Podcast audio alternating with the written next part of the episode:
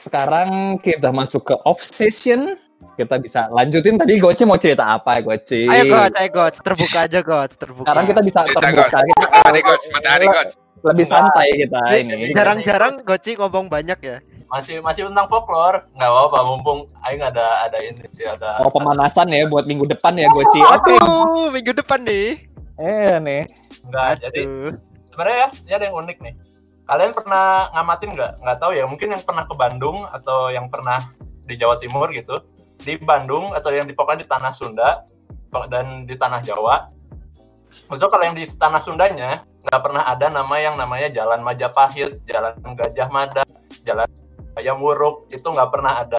Tapi kebalikannya, kalau di Jawa Timur nggak ada yang namanya Jalan Siliwangi, Jalan apa-apa gitu.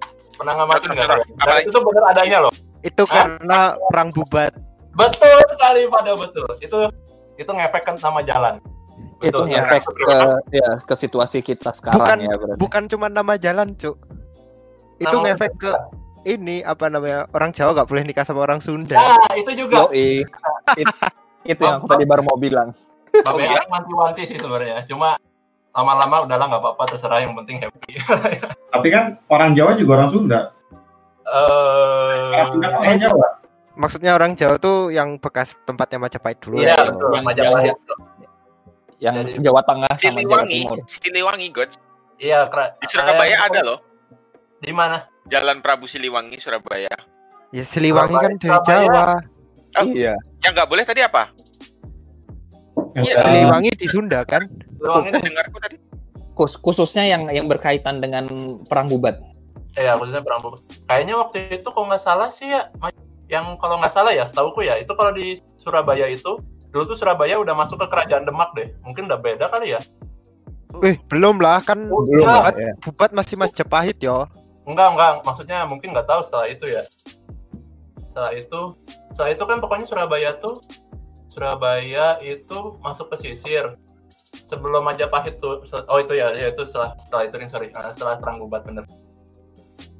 Harusnya ya, harusnya kalau kalau ada tapi nggak tahu sih ya. Tapi di Blitar, di Malang itu nggak ada sih setauku. Dan di Bandung juga nggak ada nama Hayam Wuruk segala macem nggak ada. Padahal jalan hayam sih. buruk di mana-mana ya. Oh, oh pada wah kalau di wah di Jawa Timur nama jalannya di mana-mana. Cuma kalau di Bandung mana jalan Gajah Mada nggak ada, mana jalan ada. jalan jalan Hayam Wuruk nggak ada. Namanya Jalan Siliwangi ada tuh dekat sekolah tuh. Makanya yang netral-netral aja di Balikpapan dua-duanya ada itu. Nah tuh Di Banjar seingatku nggak ada ya. Kamu nggak inget berarti Del? Nggak mungkin was. Aku masih tinggal di Banjar sampai hari ini. Oh. Sampai hari ini, jadi kamu nggak di Klaustal nih sekarang? Enggak, maksudnya rumahnya masih di Banjar, Oh, do, iya iya oke, domisili. domisili.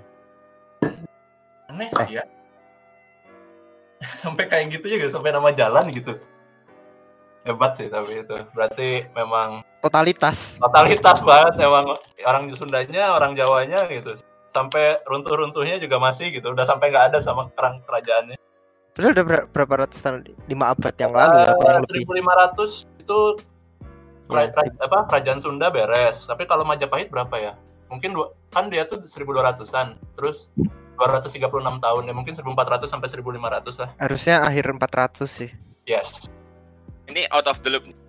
Aku nggak tahu iya. kenapa, tapi kalau aku mikir apa dengar kata kayak BC gitu, kayak ber- ber- berapa tahun BC gitu, aku mikirnya kayak zaman batu aja. Kalian gimana? Enggak anjir. Enggak sih kalau aku. Aku BCI kayak- itu udah udah ma- lumayan ya. iya udah, udah lumayan kan, tapi yang kayak masih kayak kayak sebelum BC itu kayak masih jadul banget. Padahal kayak Iron Iron Age itu BC kan, belum BC atau Iron Age itu iya. ingat iya Iron Age. BC, BC, kan BC. 1200 Gimana, Lagi, gimana, gimana kalau biar obsessionnya ini ya berhubungan sama folklore ya, aku mau tanya ke kalian. oke. Kalian punya nggak sih pengalaman kayak berdorama atau berperan gitu, misalnya kayak lagi di sekolah mungkin atau di tugas kuliah gitu, kalian berperan dalam cerita folklore gitu. Pernah nggak punya pengalaman itu?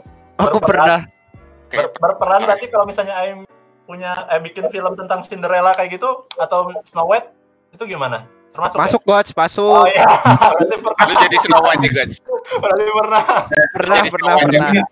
Mungkin contohnya itu pas sekolah aku kan pas pelajaran bahasa Indonesia lagi ngebahas soal mungkin cerita rakyat terus akhirnya kami diberikan tugas gitu aku aku dikasih tugas aku dan teman-teman dikasih tugas untuk memerankan cerita maling kundang gitu tapi ya pada akhirnya kami memerankan itu gitu. contohnya kayak gitu Kamu jadi apa? Jadi pohon. aku jadi istrinya maling kundang Wow. Oh. Aku dulu pernah, aku ingat, aku dulu pernah ini eh menceritakan folklore, tapi aku disuruh bikin kayak eh gambar karakternya di print, dipotong, eh di print, dipotong, habis itu dilem di kayak macam stick stick es krim. oke Habis itu aku main di atas kayak itunya kayak kayak main wayang gitu nah, cuman pakai kayak Ah, kayak main eh, kayak pakai stick ya. iya iya iya.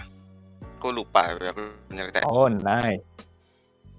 Wah, kalau Nico nanya gitu, aku jawaban pribadiku itu banyak banget sih. Aku sering banget mainin folklore, tapi yang paling berkesan buat aku itu Hmm. waktu 2000 berapa ya? Ya pokoknya sebelum aku ke Jerman lah ya, aku udah kerja ini waktu itu.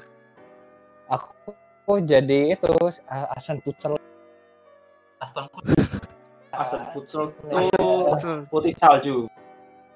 Putri Salju? Bukan, Putih salju. Snow White kan? Bukan, bukan. bukan. Itu tuh si- apa? Cinderella, Cinderella. Cinderella. Oh, mah. Eh, aku jadi Cinderellanya tuh waktu itu. Aku mengada-ngada aja.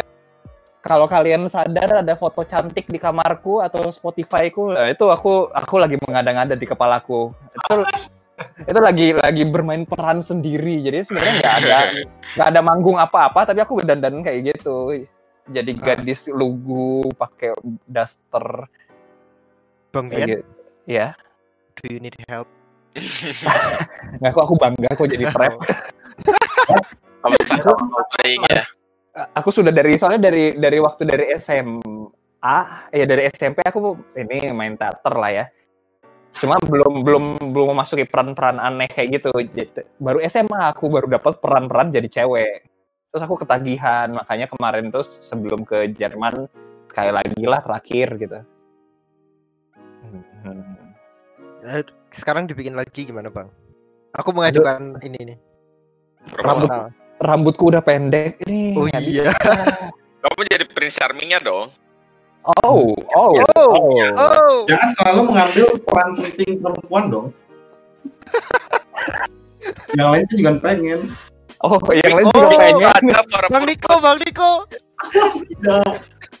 oke berarti kita semua aku bisa bilang kayak mayoritas dari kita di sini punya pengalaman dalam uh, belajar kayak folklore mungkin cerita rakyat gitu kali ya ya di sekolah gitu.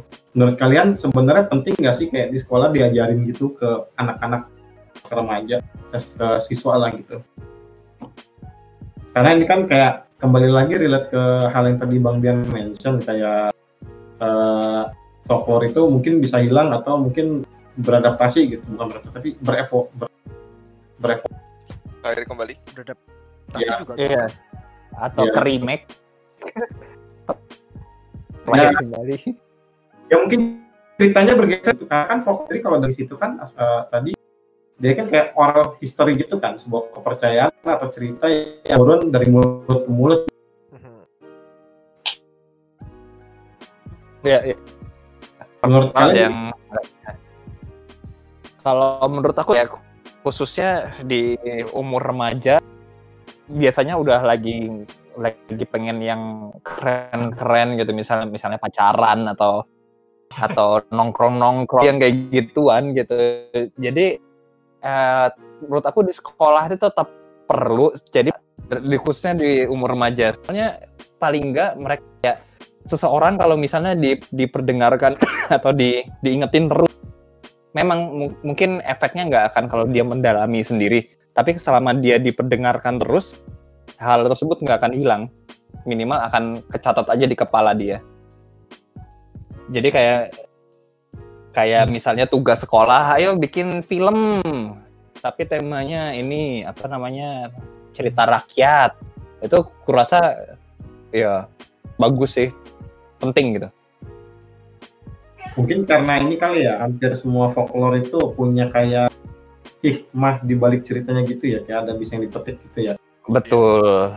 Makanya ya kayak kita sekarang gitu ya. Kita sekarang ngomongin ini berarti aku bisa eh, sedikit ambil kesimpulan besar bahwa kita ada interest sebenarnya sama folklore itu karena itu mempengaruhi kita. Kita di umur segini akhirnya menyadari itu gitu. Tapi kalau di remaja kayak kita kayak tadi aku bilang mereka kan tertariknya sama yang oh ya pacar-pacaran cium-ciuman atau apalah gitu. Atau main game. Dan itu karena memang lagi fasenya ya. Jadi dia lagi nggak tertarik itu sedangkan kalau kalau bener-bener udah dihilangin aja gitu kayak orang menyerah nggak nggak ngasih info lagi gitu nggak ngasih disuapin itu bener-bener bisa hilang jadinya. Beda ceritanya kayak kayak aku tetap disuapin gitu ya ada tugas sekolah ya akhirnya aku sampai sekarang jadinya pen- ngerasa kayak oh folklore itu penting. Kayak di umurku yang ini ya sekarang di di di saat ini gitu. Walaupun aku akui di saat dulu waktu remaja aku juga nggak tertarik sama sekali gitu Folklore Penting itu nggak selalu fiktif ya? Atau? Nggak kan? Hmm, Em, Aing tanya pertama. kalau Eh, fiktif dulu. fiktif itu maksudnya kayak sebuah hal yang benar atau belum, maksudnya mm, yang mau kamu bilang itu kayak kayak kebenarannya itu belum terbuktikan atau sudah terbuktikan gitu ya maksudmu ya? Jadi kayak fiktif Eh, tahu gimana. mu- mungkin kalau folklore kita bicara folklore lalu membayangkan cerita mitologi atau sebagainya itu sebagian aku bilang fiktif cuma kalau misalnya seperti apa yang folklore yang aku bahas gimana ketupat itu bisa fiktif ya berarti berarti nggak nggak kayak nggak mesti fiktif nggak mesti kan. Tapi nggak kalau mesti. dongeng dan cerita kan mayoritas. Hmm, Ya, Jadi, ya. aku bilang sebagian fiktif sebagian isi ceritanya tapi bukan keseluruhannya isi cerita misalnya Oh. Timur Mas sebagian fiktif atau Cinderella sebagian fiktif gitu. Oh. atau itu kayak kayak jadi metafor gitu loh metafor Mungkin Bisa. kalian pernah ngedengar versi lain dari Timun Mas. Ini versinya mengerikan sih menurutku. Jadi eh ya ini karena sudah obsession ada NFSW sedikit boleh. jadi ini versi Timun Mas yang aku ini tiba-tiba ingat itu tuh jadi si mamanya itu kan nggak punya nggak punya anak gitu ya, terus pengen punya anak, terus Oh, si butuh itu terus kayak oke ini aku aku kasih eh, apa namanya bibit gitu kan ya. Nah bibitnya itu ternyata ya eh, ya si ibunya itu dibuahi sama si si butonya ini. Terus Iya, lah- betul, betul. Terus lahirlah Timun Mas. Nah Timun Masnya ini mau di mau di sikat juga sama bapaknya ini. Terus makanya kabur dan akhirnya cari cara supaya menghentikan bapaknya ini gitu itu versi di versi dewasanya yang lebih lebih real ya kalau Seinen ya. Ya jadi lebih real daripada fiktif kan kalau itu kan tiba-tiba buahnya lahir gitu kalau ini jadinya kayak laki-laki kisah seinen seinen manga gitu kalau kata maestro Kok tahu mau baca dari mana Nah, ini tapi yang aku baca ini gawat sih. Ini ini bukan seinen sih. Ini masalahnya hand. iya iya kacau banget.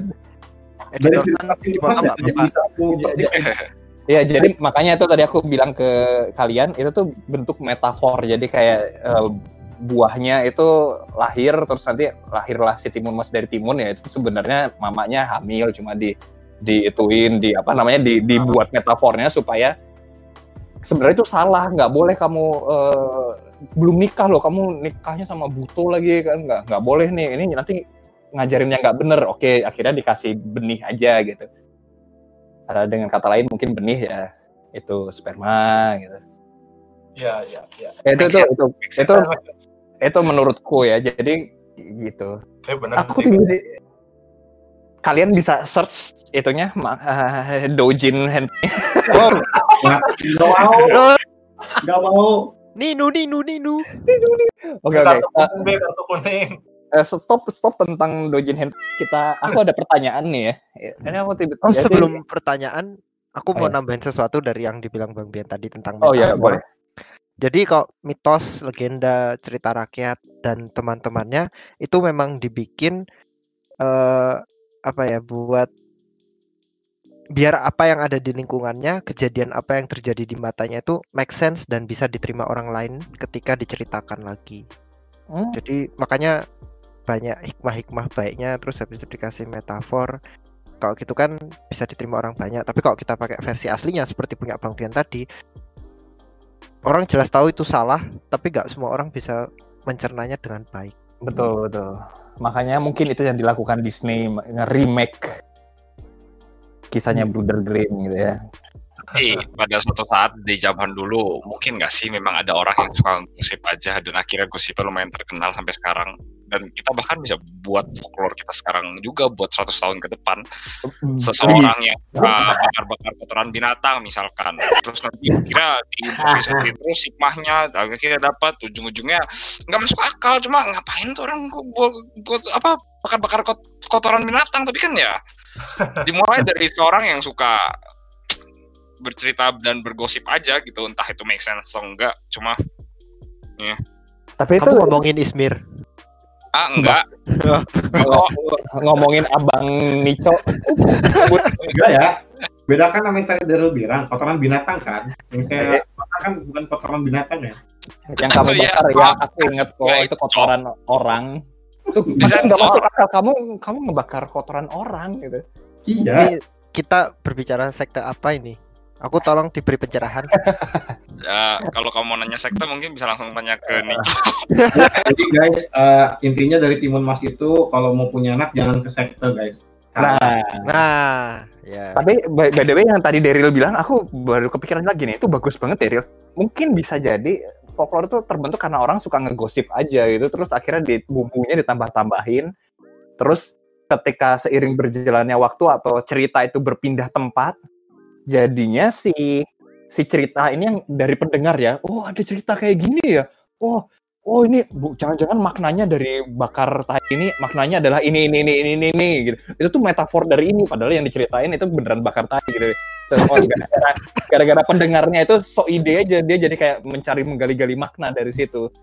Kayak teman-teman gua yang deket yang wafat gitu kan gua selalu tulis pesan gua di post it jaga-jaga kalau misalkan arwahnya mereka gentayangan di kamar gua setidaknya kayaknya mudah-mudahan mereka baca post it gua gitu ya itu kan ya iseng-iseng aja gua percaya nggak percaya tapi kan kalau misalkan gue sebarin terus ujung-ujungnya 100 tahun ke depan Hmm. banyak yang ngikutin juga bisa jadi mungkin ya kalau misalnya ada gosip gitu, terlepas itu benar atau enggak. Terus karena karena sering diomongin terus di kayak diulang-ulang gitu. Terus kayak coincidentally ada yang kayak kebetulan ada ada yang mengalami hal tersebut gitu. Terus menurut gue sih itu bisa jadi folklore sih mungkin ke depannya.